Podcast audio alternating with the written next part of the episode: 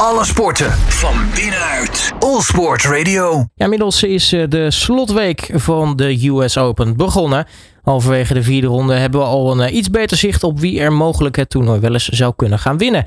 Welke grote namen zijn er uitgeschakeld? Wie verrassen vriend en vijand? En welke favorieten doen hun status eer aan? Ik ga erover in gesprek met uh, Stefan Kok van Tennis Magazine. En uiteraard ook de Tennistafel podcast. ja, Stefan, hele goedemiddag. Goedemiddag, Robert.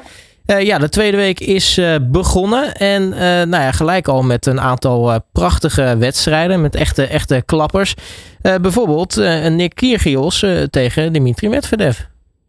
Daniel Medvedev inderdaad. Daniel Medvedev, sorry. De nummer 1 geplaatste titelverdediger. En ja, verschillende speelstijlen, verschillende persoonlijkheden. En Kyrgios, de showman, heeft het gewonnen. Ja, en dat was sowieso leuk. Want nou ja, Kyrgios is natuurlijk bekend om niet alleen zijn, zijn gruwelijke tennistalent... Hij, hij, kan natuurlijk ook echt het, het, het, het, bloed onder de nagels van zijn tegenstanders uittrekken. Ja, absoluut. Niet alleen met zijn persoonlijkheid, maar ook wel met zijn spel. Want hij weet het gewoon allemaal te ontregelen. En zeker zo'n Medvedev is iemand met ritme, weet je, lange rallies, et cetera. Maar Kyrgios, service volley, dropshots, ja, ballen tussen zijn benen door, onderhand serveren. Je kent het wel. Alles om de tegenstander uit zijn ritme te halen. Maar dit jaar is het wel allemaal een beetje wat rustiger. Is hij een beetje, ja, door zijn vriendin, zegt hij, wordt wat meer professioneel, wat meer geconcentreerd en zo. Het draait echt om het tennis. Hij haalde natuurlijk de finale van Wimbledon. Dat heeft heel veel voor hem betekend. En nu uh, bij de laatste acht op de US Open. Ja, het lijkt dan eindelijk wat dat betreft het, het tij gekeerd voor, voor, voor hem? Ja, Um, die Wimbledon finale, dat hij een Grand Slam kan halen, dat heeft hem ook wel weer gemotiveerd. Hij zegt, misschien is het ook wel goed dat ik die verloren heb, want anders was ik misschien wel gestopt. Want ja, als je Wimbledon wint, wat voor doelen heb je dan nog? En uh, hij grapte gisteren op de persconferentie van, ja, ik heb nog drie uh, wedstrijden over en dan ga ik met pensioen. Dus mocht hij de US Open winnen, dan moeten we maar afwachten wat er met hem gebeurt. Ja, nu uh, kan hij natuurlijk op een gegeven moment in het toernooi, als hij het goed blijft doen, ook zijn nou ja, tegenstander van die Wimbledon finale tegenkomen. want Nadal, die zit er natuurlijk ook nog in. en sterker nog, die had niet echt veel moeite met zijn, nou ja, tussen aanstekens, favoriete tegenstander, Richard Gasquet. Nee, dat is een heerlijke tegenstander inderdaad voor Nadal. iemand met een enkelhandige backhand vindt hij altijd wel fijn, want dan kan hij met die linker mega topspin en voorhand uh, zeg maar die backhand bereiken. Nee, dat was eigenlijk een makkelijk potje, zeg maar. Nadal neemt het nu op tegen Frans, Francis Tiafo. Ook een publiekspeler, puur zang, een Amerikaan. Dus dat kan een heel mooi treffen worden. Als we het dan toch bij de mannen verder kijken. ja, nou ja, we hebben dan nu Medvedev uitgeschakeld zien worden. was natuurlijk een van de favorieten. Hoe zit het eigenlijk met, met de andere favorieten?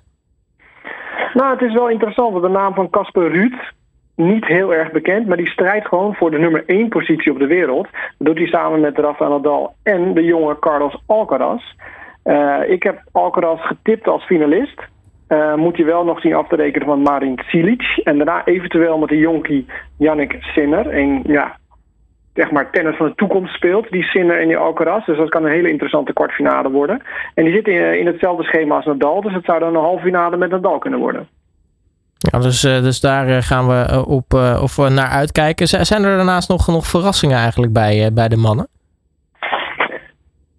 Nou, misschien is het wel verrassende naam Gatjanov een, uh, ja, een Rus. Die haalde voor de eerste keer hier de kwartfinale. Had niet een heel sterk seizoen, maar hij heeft gezegd van... Hij mocht natuurlijk niet meedoen op Wimbledon. Hè. Alle Russen en Wit-Russen werden daar geweerd. Hij heeft die weken echt gebruikt om te gaan trainen. En, en ja, speelt wel weer goed. Beetje onder de radar misschien.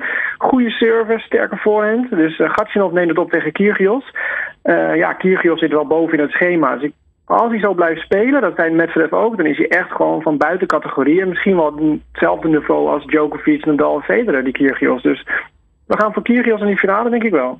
Nou, dat, uh, dat, uh, dat gaan we noteren dan, uh, Stefan. dan door met de dames. nou, het grote verhaal was natuurlijk Serena Williams. Hè? die neemt, neemt afscheid. Al blijft ze daar nog wel een beetje, een beetje open over. Hè? We weten dat iedereen denkt eigenlijk dat, ze, dat dit haar laatste toernooi is. Maar hè, zeker weten doen we het toch niet. Um, je had eigenlijk echt een, een, nou ja, misschien wel een rukvoorbereiding op de US Open. Maar uiteindelijk toch nog de derde ronde gehaald. Ja, kijk, wij zeggen nu ze heeft de derde ronde gehaald. Maar voor zo'n groot kampioen is derde ronde natuurlijk eigenlijk niks. Ze heeft 23 Grand Slam titels. Uh, ik was al verbaasd dat ze zover kwam, zeg maar. Inderdaad, wat je zegt, dat één potje gewonnen na Wimbledon. Um, ja, was gewoon niet in vorm, niet in fit. Ze had eigenlijk al meer dan een jaar niet gespeeld uh, voordat ze opeens op Wimbledon verscheen. Maar ja, het was wel de grote Serena-show en iedereen wilde erbij zijn. Hè? Uh, eerste ronde, tweede ronde, avondwedstrijden. Ja, was het wel zou haar laatste wedstrijd kunnen worden. Dus grote ster op de tribune. Nou, schopt het in de derde ronde. Drie sets tegen Tomjanovic. Die heel goed speelde. En het ook wel lastig vond natuurlijk. Hè, om tegen Serena te spelen. En het hele stadion juicht voor Serena als die een bal eh, een punt maakt. En niemand juicht voor de tegenstander. Dat was heel pijnlijk ook in die tweede ronde tegen Annette Kontaveit. Toch de nummer twee van de wereld. Uh, te merken. Ja, want uh, iedereen. Uh, het, Amerikanen, als, als er één, één, één volk is op deze aarde. wat, wat van, van, van, van verhalen en underdog dingen houdt. dan, dan, ja, dan is dat toch wel Amerika. En dan heb je natuurlijk. Nou ja, bijna een groter underdog verhaal dan dit. kan je nou niet, namelijk niet krijgen. Een, een, een, een gevallen topspeelster. die probeert toch nog op, op haar, laatste, ja, haar laatste kuntje eigenlijk nog te flikken op de US Open. Ja, en mede door het publiek is er nog zeg maar, zo ver gekomen. De tegenstanders waren toch wel geïntimideerd. En ja, mind you, het is het grootste tennisstadion ter wereld. Dus dat, uh, dat heeft natuurlijk wel wat impact. Maar Tomjanovic deed het goed. Uh, bleef kalm in die derde set. Die won ze dan ook met 6-1. En is al door naar de kwartfinale. Dus die is ook daarna zeg maar, doorgegaan met goed spel en winnen. Hè. Vaak zie je, je verslaat zo'n megaster en dan kakt het in. Maar ze won van Samsonova in die uh, vierde ronde. Dus Tomjanovic in de kwartfinale en in bloedvorm. Nou, nu uh, is het uh, verhaal bij het vrouwentennis toch wel altijd dat de doorgaans eigenlijk geen pijl op de trek is. Hè? Iedereen kan van iedereen winnen. hoe zit dat eigenlijk bij deze editie van de US Open? is het weer een soort slagveld voor top 10 spelers? Nou, het valt wel mee, moet ik zeggen. Het is wel leuk dat er ook wat, zeg maar, wat oudere namen nu weer opstaan. Kvitova staat in de vierde ronde. Uh, Azarenka speelt heel sterk, tweevoudig Grand Slam kampioene. Uh, neemt het op tegen Pliskova, die niet een heel goed seizoen heeft, maar ook wel ja, toch een beetje zeg maar, de ervaren speelsters zijn. Sabalenka, de krachtige Wit-Russin, die overleeft een aantal matchpoints en een dikke achterstand in de tweede ronde. Maar staat nu ook in de vierde ronde tegen Daniel Collins, een Amerikaanse. En ja, en Swiatek staat natuurlijk goed te spelen, de nummer 1 van de wereld. Ja, nu is uh, natuurlijk uh, een van de, de favorieten. Het was eigenlijk sinds lange tijd weer een, een speelster die nou ja, bovenin misschien soort van wist te domineren. Um, had dan even Wimbledon, wat, ja, er kwam een beetje een einde aan haar, aan haar winreeks. kan ze zich wat dat betreft weer herpakken met, met nou ja, de eindzege op de US Open? Nou, zeker. Ze had een uh, ja, geweldig eerste half jaar. En wat je zegt, een mega winstreeks uh, tot en met Roland Garros. Uh, ja, gras is niet haar ondergrond. Daarvoor heeft ze ook niet het vertrouwen, zeg maar. Dat zag je ook wel. maar hier op het hardcourt staat ze alweer goed te spelen. Heeft nog geen set verloren. En neemt het op in de vierde ronde tegen Jules Niemeyer. Een onbekende Duitse. Een stevige meid die ook wel van timmeren houdt. maar Schwantek zit wel goed in het schema, moet ik zeggen.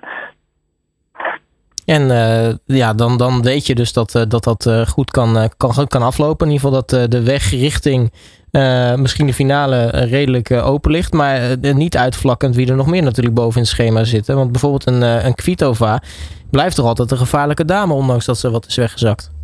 Ja, ja klopt. Je, je, je, weet niet zo goed wat je van Kvitova kan verwachten. Ze kan waanzinnig mooi en goed spelen dat ze de tegenstander wegblaast. Uh, maar het kan ook een foutenfestival worden. En, uh, dus dat moet ik maar weten. Welke Kvitova verschijnt er vandaag op de baan? Ze, neemt het vandaag op tegen Pegula. Een super steady Amerikaanse speelster. Achter geplaatst. Uh, ik denk dat die te taai voor haar is. maar ja, wat je zegt, bovenin zit nog wat ik noem nou Azarenka speelt goed. Sabalenka speelt goed. Wat dat betreft zit Swiatek best wel in een zwaar gedeelte. En onderin zijn ze al gevorderd tot de kwartfinale. En daar noem ik even Coco Goff, die jonge Amerikaanse die verwacht ik wel richting finale. En uh, wat betreft uh, ons Jabeur dan? Want uh, dat is toch iemand die we toch vaak terugvinden in de, de, de laatste helft van, het, van, van een Grand Slam. Ze ook wel op de, de WTA natuurlijk haar wedstrijden wint.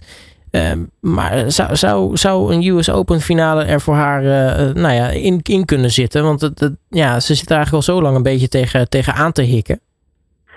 Ja, klopt. Ja, eh, verloor dan uh, de finale van uh, Wimbledon op dramatische wijze voor haar. Ja. Uh, speelt goed op snellere banen. Nou, de US Opening is ook wel best wel snel hardcourt. dan maakt het ook nog wel iets uit of je overdag speelt of s avonds speelt wat betreft de balstuit. Ehm, ja, zij is gewoon geweldig om te zien. Ze is creatief, ze heeft een mooie slice backhand, ze heeft dropshotjes, volleys. Dus wat dat betreft kansen die hardhitters wel ontregelen. Neemt het op tegen Tomjanovic, die dus van Serena heeft gewonnen en daarna nog een ronde heeft gewonnen. Dus die is wel in bloedvorm en die speelt echt recht toe recht aan tennis. En dat moet ze dan maar zien te belopen en zien te ontregelen. Dat kan heel interessant worden. Maar goed, die staat al bij de laatste acht, dus ja, waarom niet? Nou, wie uh, verwacht je uiteindelijk dat er uh, de, de finale gaan halen als je het uh, in mag vullen zoals het, zoals het er nu uitziet? Ja, nou ja, een grote disclaimer. Ik heb het bijna altijd verkeerd. Maar ik ga voor uh, Coco Golf. Uh, de jonge Amerikaanse, die ook geïnspireerd is door Serena. Maar uh, ja, geweldige speelster. Ik, ik heb alle vertrouwen in haar dat zij naar die finale gaat in het onderste deel. Moet ze wel zien af te rekenen van Caroline Garcia, die weer heel goed in vorm is. Dus ik ga voor Golf tegen Swantek. En bij de heren? Bij de mannen ga ik voor Alcaraz. Die gaat het toernooi ook winnen. Dan is hij volgens mij de nummer 1 van de wereld als jongste. En bovenin. Nou, zullen we Kyrgios zeggen? Dat is gewoon leuk. Ja, gewoon omdat het kan. Hartstikke mooi. hey, Stefan Kok, mag ik je hartelijk danken voor, uh, voor je tijd. En uh, natuurlijk uh, veel volgplezier natuurlijk. En veel succes nog met de, de tweede helft van de US Open. Dankjewel, graag gedaan. Alle sporten van binnenuit. All Sport Radio.